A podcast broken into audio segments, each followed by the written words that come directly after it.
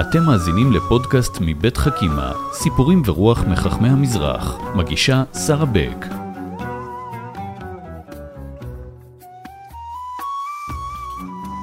שלום לכם, ושלום לדוקטור דוד ביטון, שלום וברכה. ראש החוג ללימודי יהדות בקריה האקדמית אונו, ראש תוכנית קולנה בירוחם, תושב ירוחם, נשוי, פלוס ארבעה ילדים, ועוסק בחינוך ובהגות של אה, חכמי ארצות האסלאם. אה, ואפשר להגיד גם אה, חבר לדרך? בוודאי.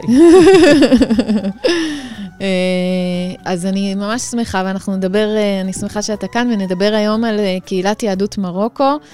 אה, אני רוצה לשאול אותך בהתחלה, כשאני אומרת לך קהילת יהדות מרוקו, מה הדבר שבעיניך מאפיין את הקהילה הזו?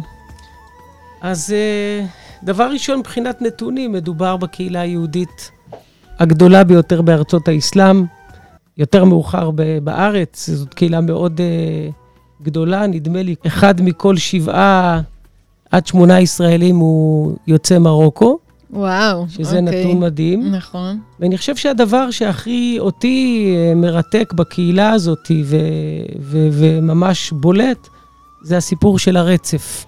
זאת קהילה עם רציפות מהרבה כיוונים. קודם כל, קיום יהודי במרוקו מתקופת המקרא ועד ימינו ממש. מתקופת המקרא? כן, כן.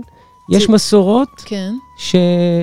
שמגיעים אה, בתקופת שלמה המלך, אה, יהודים למרוקו. אמנם בעניין הזה אין לנו עדויות ארכיאולוגיות, אבל אה, יש מסורות כאלה.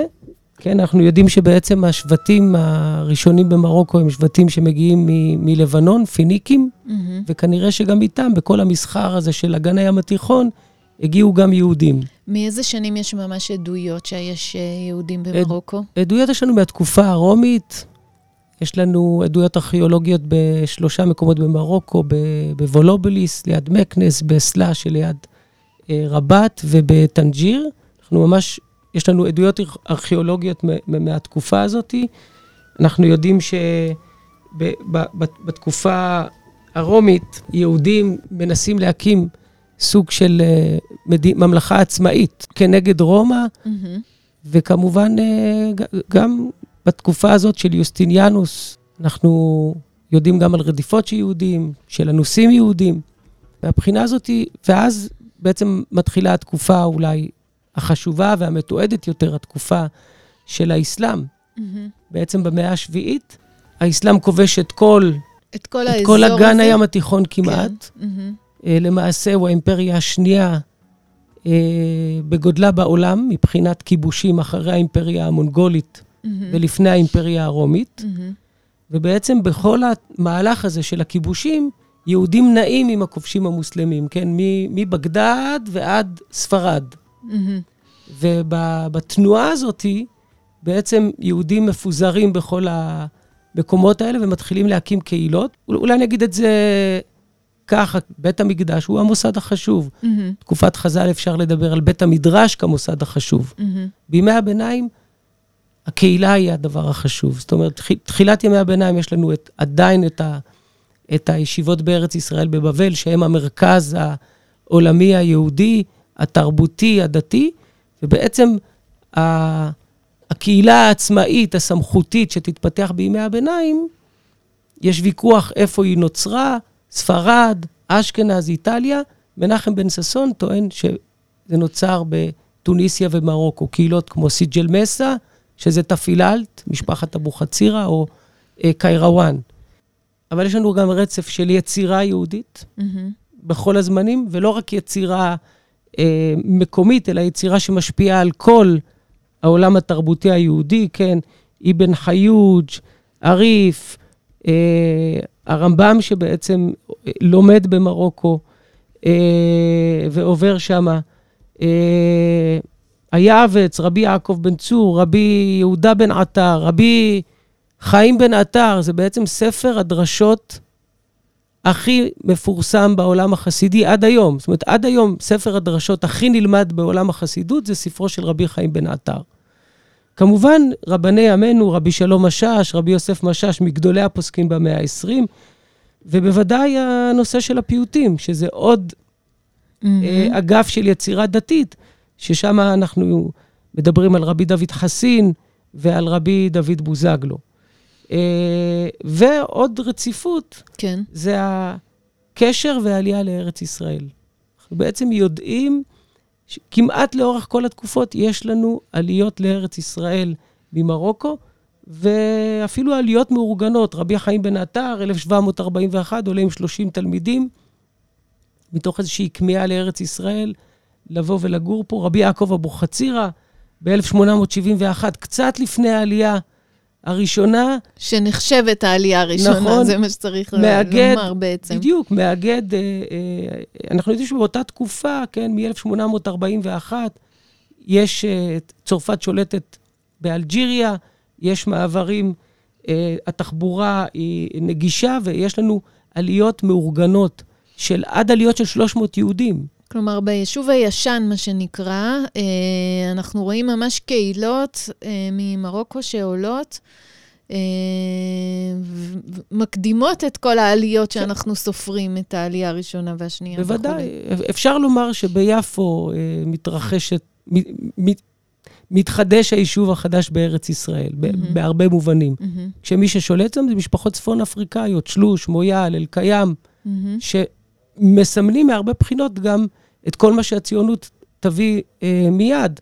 פרודוקטיביות, יציאה מן החומות, גאולת קרקעות. גאולת קרקעות, מחשבה לאומית. כן, עכשיו אה, אה, יוצא ספר על הדבר הזה, שאת גם כתבת שם מאמר. אני חושב שבאמת כל התור נשמע בארצנו אה, הרבה קודם, אה, וה- ו- ו- ו- ואז יש קשרים, כן, רבי חיים בן עטר, אה, ממשפחתו יבוא רבי יהודה ליאון ביבס, שהוא אבי מבשרי הציונות. כן. ואז הקשרים עם מונטיפיורי באנגליה, הקשר של מונטיפיורי למרוקו. אה, אולי נדבר על סטלה קורקוס, כן? שהיא האחיינית של, של מונטיפיורי. אה, אוקיי, לא שמגיעה- מכירה. כן. שמגיעה למוגדור מהמם. בסוף המאה ה-19, מהמם. אה, תחילת המאה ה-20, ומקימה בית ספר, אחד מבתי הספר הראשונים לבנות, מעניין. כן? אז, אז, אז בהקשר הזה, דווקא את מונטיפיורי אני שם בהקשר של הציונות, מהמם. כן? אולי עוד משפט אחד על האסלאם המרוקאי ועל מרוקו בכלל, ו- ו- ולפי זה בעצם ללכת לכיוונים של ההבחנה בין הקהילות. אז מרוקו באופן כללי היא ארץ של ניגודים ושילובים, מהמם. גם קודם כל מבחינה גיאוגרפית, אנחנו מדברים על רצועת חוף של הים התיכון והאטלנטי, ואת ר- אה, שלושת הרכסים של האטלס, האנטי-אטלס, האטלס הגבוה ו- ו- והריף, ובעצם אה, את פנים הארץ, שזה בעצם המדבר, הסהרה, בואכה תאפילאלת, בואכה טומבקטו. אה, טומבקטו. כן. הייתה שם קהילה? הייתה שם קהילה יהו- יהודית שהיא בעצם סוג של קהילה מרוקאית, של סוחרים מהאזורים של, של תפילאלת, אקא, תרודנט, שהיו חוצים את הסהרה בשיירות של מאות גמלים במשך כמה שבועות, מעניין. ובעצם אה, טומבקטו הייתה נקודה למסחר באפריקה. מעניין. אה, ואז, אז את צריכה להבין שבעצם הניגודים האלה, של ההר הגבוה, 4,000 הטובקל, שלג, הים התיכון, ים תיכוני, האטלנטי, והסהרה, זה קצוות אה, מ- מדהימים. נכון. במובן הזה, אה, אה, מרוקו היא גם ארץ של קצוות מבחינה פוליטית. זאת אומרת, יש לנו, מה שהמרוקאים אומרים, בלעד אל-מחזן, כאילו השלטון, האוצר, איפה שיש שליטה, מהמם. ובלעד הסיבה, מה שנקרא האזור הפראי, הבלתי ניתן לשליטה. והמתח הזה מתקיים במרוקו כמעט עד ימינו. וזה גם מתח, אה, אה, אני חושבת שמרוקו, גם הקרבה שלה לספרד ולאירופה, וגם ה- בעצם ההמשך של האסלאם שמגיע נכון. יותר מאזור אה, המזרח התיכון וכולי. ואפריקה. ואפריקה, כל הדבר הזה מתנקז גם מבחינה, אני מניחה, דתית נכון, אה, ותרבותית לאיזשהו מפגש תרבויות. נכון. זה, זה, זה, במובן הזה זה ארץ ישראל, או אגן הים התיכון, כמפגש בין שלוש יבשות, מהמם. ומפגש בין שלוש דתות, מונותאיסטיות, ובמרוקו זה מתקיים. הנצרות שם בעצם מהמואחידון כבר אה, לא תהיה, עד העת החדשה. אה, סתם קוריוז, אה, מסגד חסן השני, המסגד השני בגודלו בעולם, מהמם. אה, יושב חציו על, ה, החוף האטלנטי וחציו על הים האטלנטי. אהה, כשבעצם זה איזשהו סימון כלפי אמריקה, מעניין. עוד יותר מערבה. Mm, אז יש שדורשים את הארכיטקטורה באופן הזה.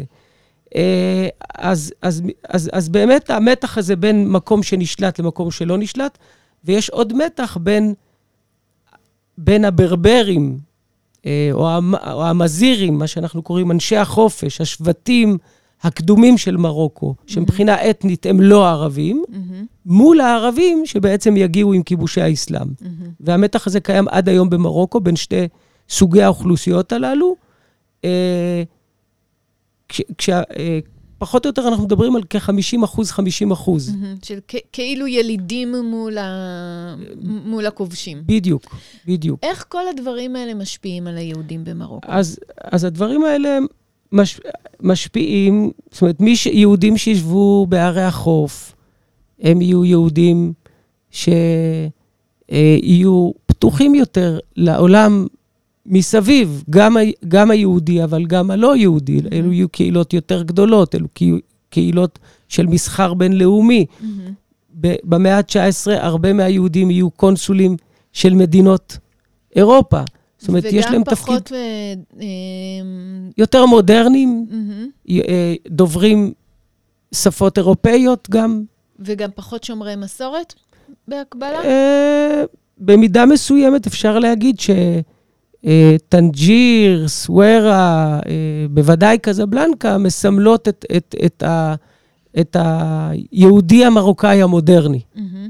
בגלל המיקום, בגלל התפקיד, בגלל הפתיחות לתרבות. זאת אומרת, אנחנו מדברים על, על, על, אה, על מוגדור למשל וטנג'יר כקהילות קוסמופוליטיות. מהמם.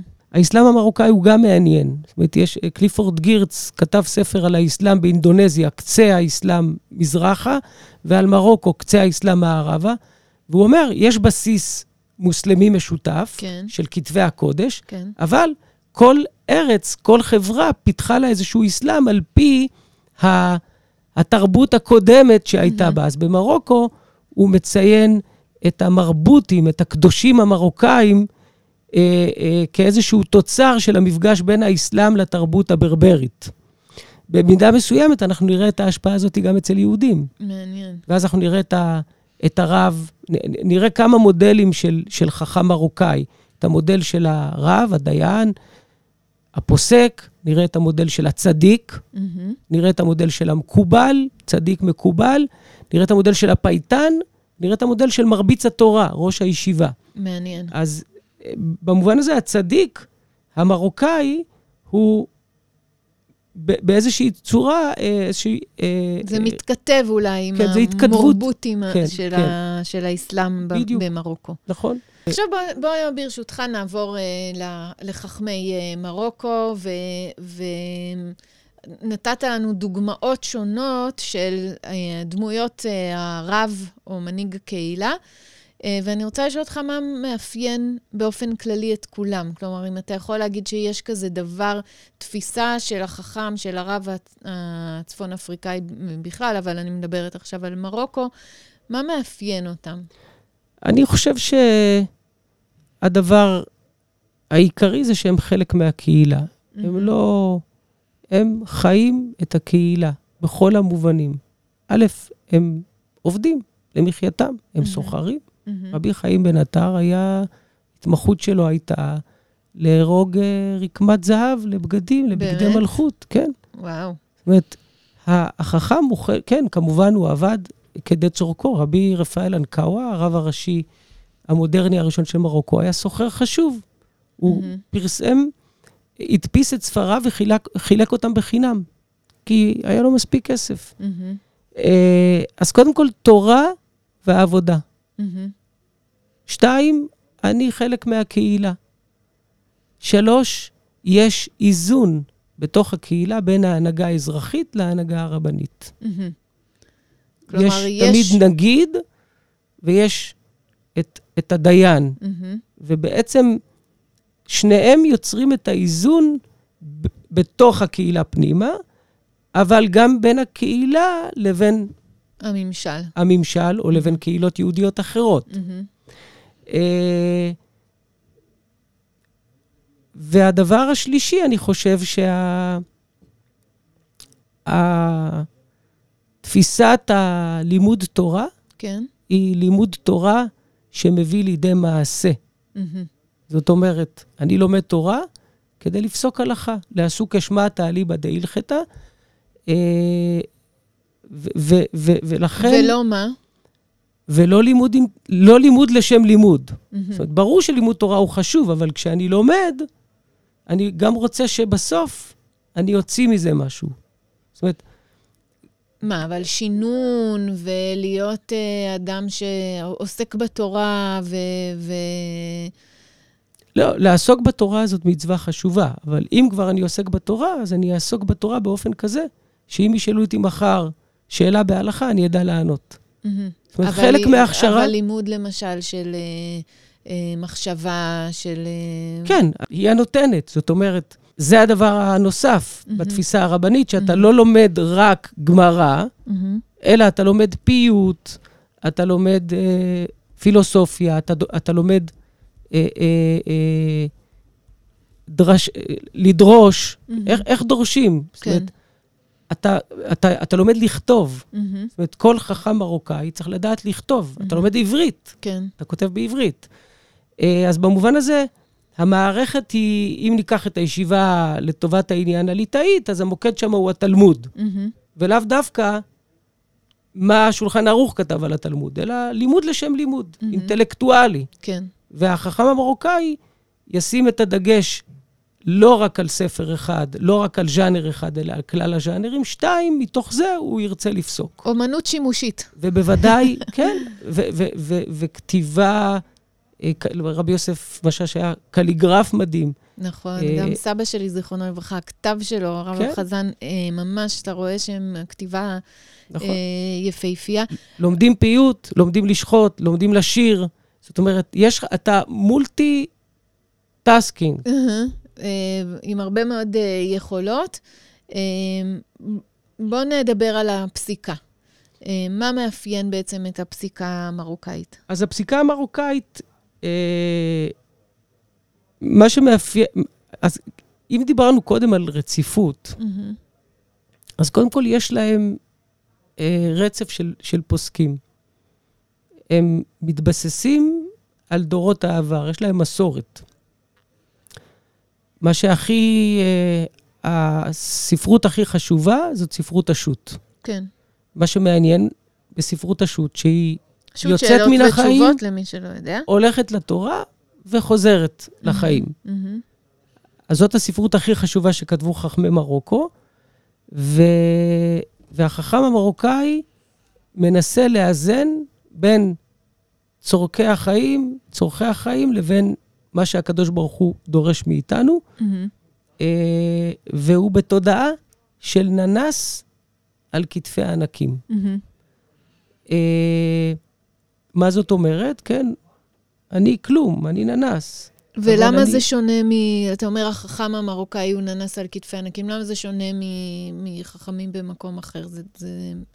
אה, כי לננס יש תודעה של אני יכול לראות קצת יותר רחוק מהענק, כי אני יושב על כתפיו. מעניין. מה זה ו- אומר בפועל? מה זה... בפועל זה אומר שאם הדור צריך פתרון, אני לא אעצום את עיניי, אלא אני אתבסס על מה שהענק נותן לי, אבל אני אכתוב משהו אחר, אני אפסוק משהו אחר, כי זה מה שהדור צריך. אני אשתמש בענ- בענק. מהמם. עכשיו, אנחנו יודעים שהיו תגובות למציאות המודרנית שאמרו, אנחנו מתבססים רק על מה שהענק כתב, אנחנו לא מנסים לשנות, מהמם. אוקיי? לטובת העניין, אני אגיד את זה באופן פשטני. ופה יש תפיסה של חידוש. דרך אגב, אולי נעבור לרבי שאולי בן דנן, אם כבר אנחנו מדברים על החכם המרוקאי, אז אה, שנים, איך- קודם כל? שנים בערך, אה, נפטר ב-1980 בירושלים. אה, אה, היה מפז, ובעצם היה הרב הראשי של מרוקו בשנות ה-40, מהמם. משנות ה-40, מ-47. ומה שמדהים, זה שהוא מחדש את ספרות התקנות המרוקאית. אחד מה, מהדברים הכי מדהימים ב, ב, אצל חכמי מרוקו זה ספרות התקנות. אנחנו רואים תקנות במש... מאז הגירוש, הם מגיעים במשך 500 שנה, תקנות. כל קהילה מתקנת תקנות למה שהדור צריך. מהמם. מהי התקנה הכי, מפור... הכי חוזרת על עצמה? מה? שלא להרבות אוכל בסעודות. למה באמת? התקנה חוזרת על עצמה? למה? כי המרוקאים לא שמעו לתקנה. אז כל פעם החכמים צריכים לתקן. ולמה הם היו צריכים לתקן? כדי כי- שמבחינה חברתית זה לא... גם מבחינה חברתית, גם מבחינת אה, אה, מה שהגויים ירגישו שעושים מה שנקרא הילולות וסעודות, וביקשו להקטין אותם, להקטין את המנות. יש, יש לא עדיין- עבד להם. אה? לא עבד, לא עבד. עבד באופן חלקי, ו... וגם בשביל העניים, כמו שאת אומרת, מבחינה חברתית, שמסכן עני, יש לו עכשיו אזכרה. לאבא שלו, אז הוא צריך להזמין את כל הקהילה, אומרים לו, Mm. לא, תביא בורקסים וזהו. כן. אה, ומה שמדהים, בשנות ה-40, בחסות של השלטון הצרפתי המודרני, חכמי מרוקו מתקנים תקנות כן. לצורכי השעה. שזה ממשיך בדיוק את אותה גישה שאמרתי. אני לא יכול לעצום את עיניי ממה שהדור זקוק לו.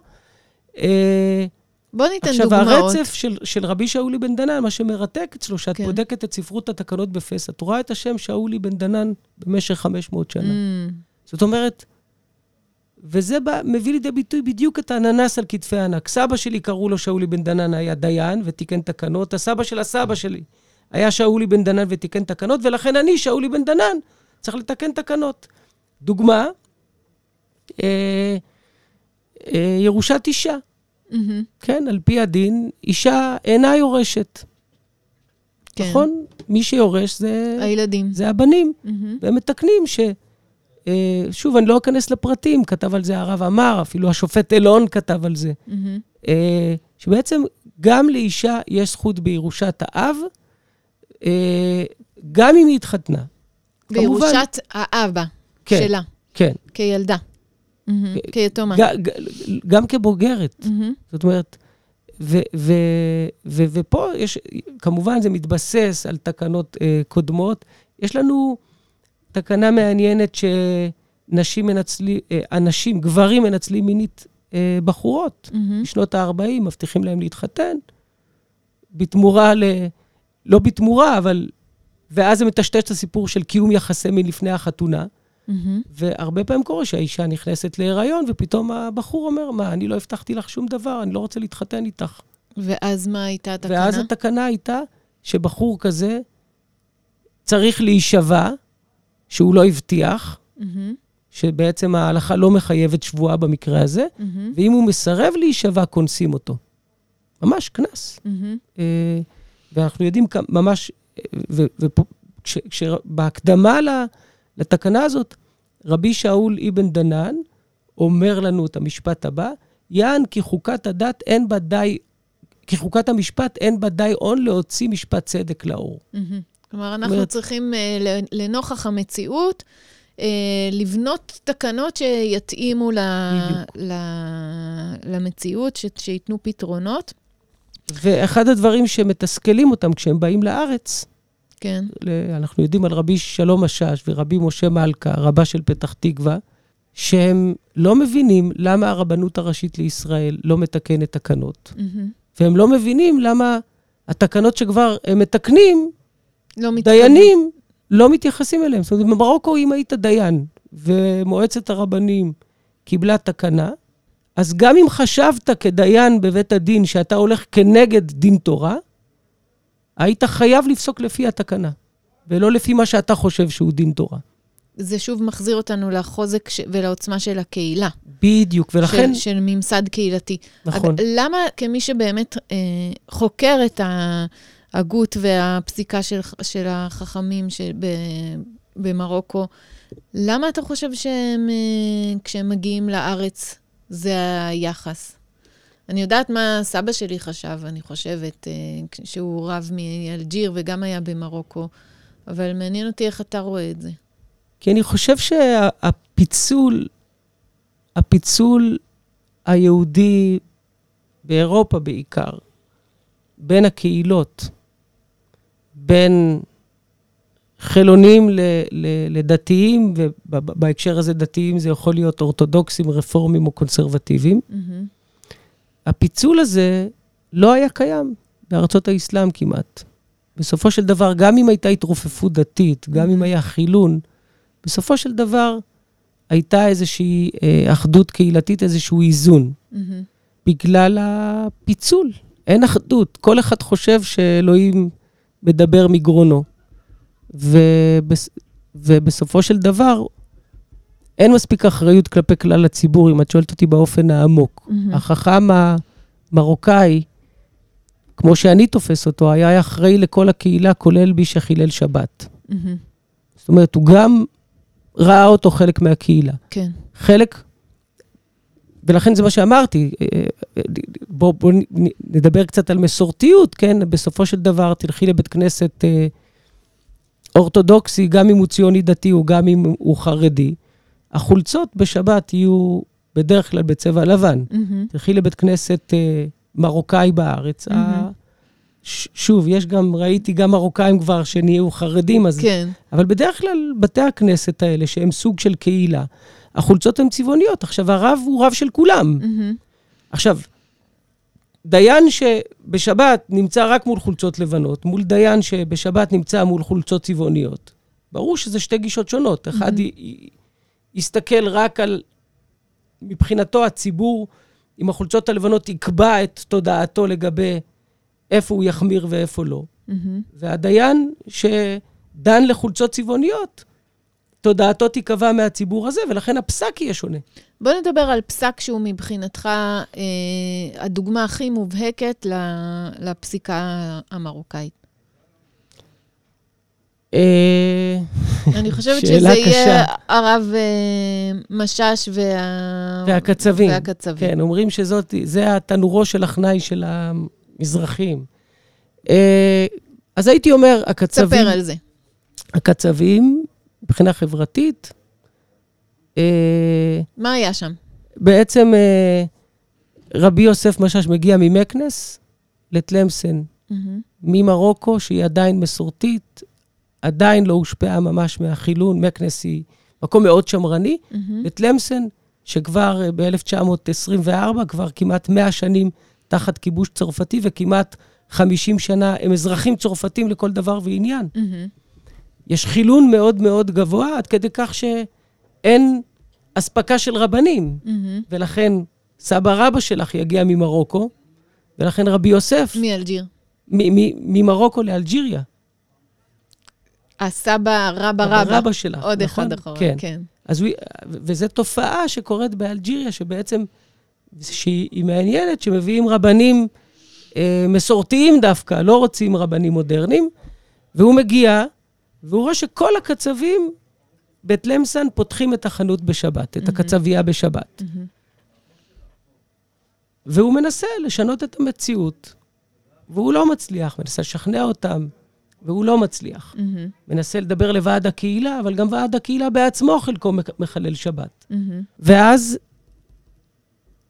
יש קבוצה בתוך הקהילה, שנקרא לה לטובת העניין שמרנים או חרדים, איך שתרצי, והם אומרים לה, לרבי יוסף, בוא נעזוב אותם. כן. כל מ- המוכרים אה, כן. ומחללי שבת. לא ניתן להם בשר כשר, כן. ונשחט רק לעצמנו, נביא לנו שוחט, ושהם ישברו את הראש. מהמם. המחיר של זה בעצם שיהיה מתח בתוך הקהילה, זה לקרוע את הקהילה. ובעצם לפצל את הקהילה, או בעצם לנתק את אותם יהודים מה, מהדת. מהמם. בעצם להגיד להם, אתם כבר לא יהודים, כן. אל, כבר ואז, לא חלק מאיתנו. אם אתה לא סומך עליי ואני לא...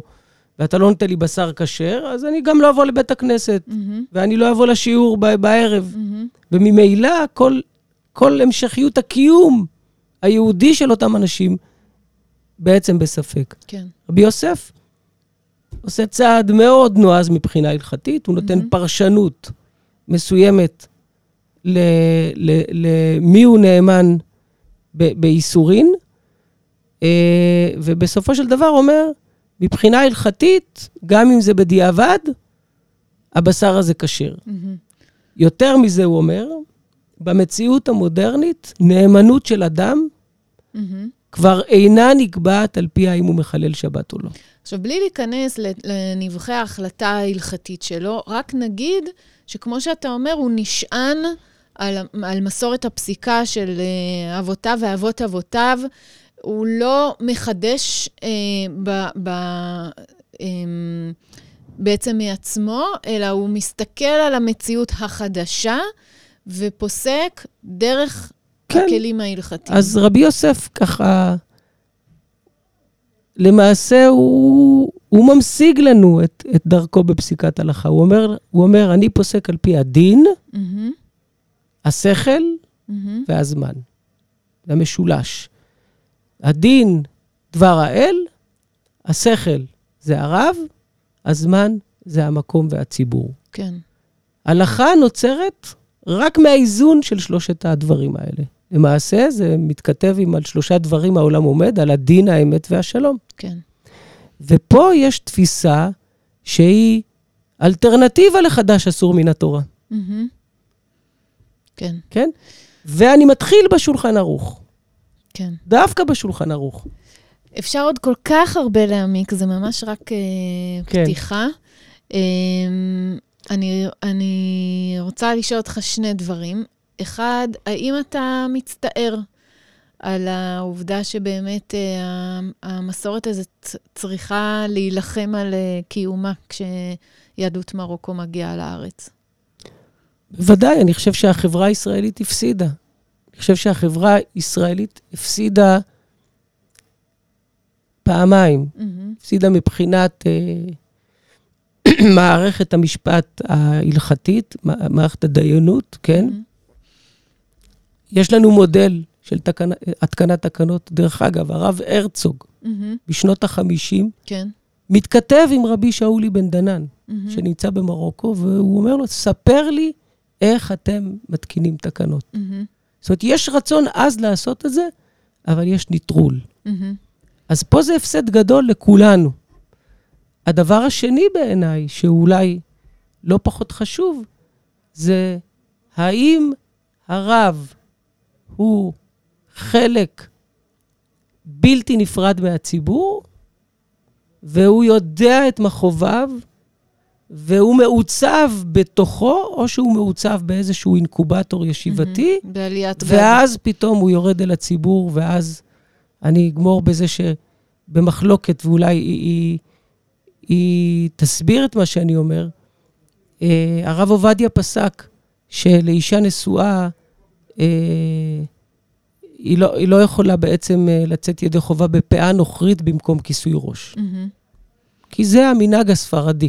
כן. טוען שיש ספרדי, ספרדיה צריכה ללכת עם כיסוי ראש ולא עם פאה. מהמם. רבי שלום משאש פוסק במרוקו שלא, שמותר פאה. מהמם, כשהוא מגיע לארץ, יוצאים כנגדו גם הרב עובדיה, אבל גם תלמידיו, כן. ותלמידיו של הרב עובדיה קצת מזלזלים ברבי שלום. אומרים לו, איך אתה, מרוקאי, ואתה יוצא כנגד הפסיקה הספרדית? מהמם,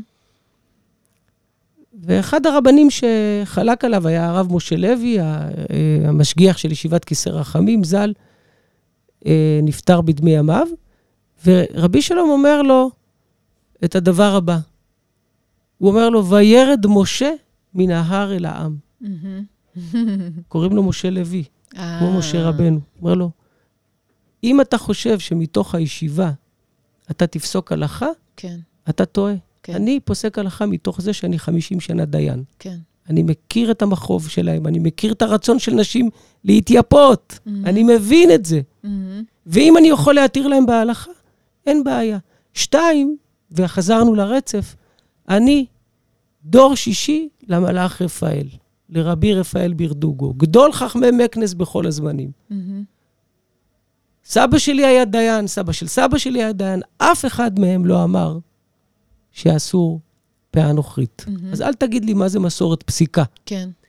כשאני לומד בגמרא, אני לומד בגמרא עם הערות השוליים של סבא רבא שלי, רבי רפאל. כן. אז אני, יש לי רצף, ובמובן הזה אני חושב שהפסדנו גם את הרצף הזה, אבל גם הפסדנו את התורה שיוצאת מתוך החיים ויודעת לעשות איזון בין הדין, השכל והזמן. באמת אה, מעניין, וגם אני ממש מרגישה שהעניין הזה של הרצף הוא מאוד מאוד משמעותי. אני אספר לך סיפור ממש קצר על סבא שלי, אה, שנפגש אה, פעם עם אסירים. אה, ואחד האסירים אמר לו, תראה מה זה, אנחנו ב... אני ממרוקו, ויש פה כל כך הרבה מרוקאים, ואיך זה קרה לנו. אז סבא שלי אמר לו, גם אני ממרוקו, ואתה יודע ששם לא היה לנו כאלה דברים. ואתה יודע מה קרה פה? פה, במרוקו, כל אחד רצה להיות כמו אבא שלו. וכל אחד, גם אם היה קשה, רצה להיות כמו אבא שלו. ולכן כל הזמן הייתה המשכיות. ומה שנשבר בארץ זה שבעצם הרצף הזה כבר, כבר לא היה קיים, ולפעמים הילדים לא רצו להיות כמו האבא, כי כבר רוצים להיות ישראלים, והרציפות הזאת היא מה ששמרה על השרשרת שלנו לאורך הדורות. זה שבר הרבה מאוד, נכון. ובאמת יש תיקון גדול לעשות. זה, זה נפלא, ו- ואני חושב שבמובן הזה הבשורה יכולה לבוא מהפריפריה. כן. שם בהרבה מובנים הרצף לא נקטע, mm-hmm. ועדיין יש קהילות מגוונות. כן. אה, אני רק אגיד משהו אחרון על אה, מרוקו יכולה גם להוות מודל לקיום בין יהודים למוסלמים. Mm-hmm. זאת אומרת, אני לא אכנס לוויכוח אם, אם עושים מזה איזושהי, איזשהו מיתוס. כן. כן, לא, היה טוב היו, במרוקו וכולי. היו גם רדיפות. היה, והיו... היה הכל, אבל נוצר מודל שמרוקו היום היא המדינה היחידה בעולם mm-hmm. שאומרת שהתרבות שלה מושתתת על התרבות העברית, בין השאר. כשבעצם ב, המדינה, מה, היחידה בעולם היחידה או המוסלמית? היחידה בעולם מלבד מדינת ישראל. Mm-hmm. ש... עד כדי כך הם אומרים? כן. אני ראיתי התרבות... שנכנסו לספרי החינוך שלהם אה, נקודות בהיסטוריה היהודית וכולי, אבל הם אומרים שהתרבות המרוקאית מושתתת התרבות, על היהדות? את, אז אני אקריא לך את זה בתרגום. כמדינה ריבונית מוסלמית, השמה דגש על אחדות לאומית ושלמות טריטוריאלית, ממלכת מרוקו עומדת לשמור באופן הרמוני, תוך התחשבות במגוון הייחודי שלה, mm-hmm. על זהות לאומית אחידה ולא ניתנת לפיצול. אחדות זו מושתתת על השילוב הייחודי של מרכיבי הערבים, אסלאמים, האמזירים, הברברים, mm-hmm. סהר החסנים, וניזונה מעושר התרבויות האפריקאיות, האנדלוסיות, עבריות וים תיכוניות המזינות אותה. Mm-hmm. זאת אומרת, בחוקה המרוקאית, את יודעת שיש חוק במרוקו, mm-hmm. לא מעכשיו, mm-hmm. שבכל עיתון צריך שיהיה תאריך עברי. לא ידעתי. בכל עיתון במרוקו יש תאריך עברי. מה אתה אומר? כן. אז יש ויכוח האם uh, יחסי יהודים ומוסלמים במרוקו היו אידיליים, כן? אני חושב שהדברים מורכבים כמובן. אבל הסיפור שנוצר כיום במרוקו הוא סיפור של אה, אה, איזה, שהם אה, אפשרות לקיום יהודי-מוסלמי. ומרוקו מהווה סוג של אה, אה, מתווכת mm-hmm. בין העולם המוסלמי לעולם היהודי, בעולם בכלל ובמדינת ישראל בפרט. Mm-hmm. ואנחנו, ואני חושב שצריך אה, לקחת את זה ו- ו- ו- ולהשתמש בזה כאיזשהו סוג של modeling, של, של אולי הפתרון של אחת הבעיות הגדולות שלנו בארץ. תודה רבה. תודה רבה לך, דוקטור אה, דוד ביטון. אה, באמת הייתה פתיחה. אפשר לעשות עוד הרבה שיחות, אבל אה, נתת לנו הצצה מאלפת לקהילת יהדות מרוקו. תודה. תודה רבה, ושתצליחו בכל מעשה ידיכם ותהיו בריאים. תודה. האזנתם לחכימה, סיפורים ורוח מחכמי המזרח. פודקאסטים נוספים תמצאו באתר חכימה מבית מטח. בתמיכת משרד החינוך, קרן אביחי ומשרד ירושלים ומורשת.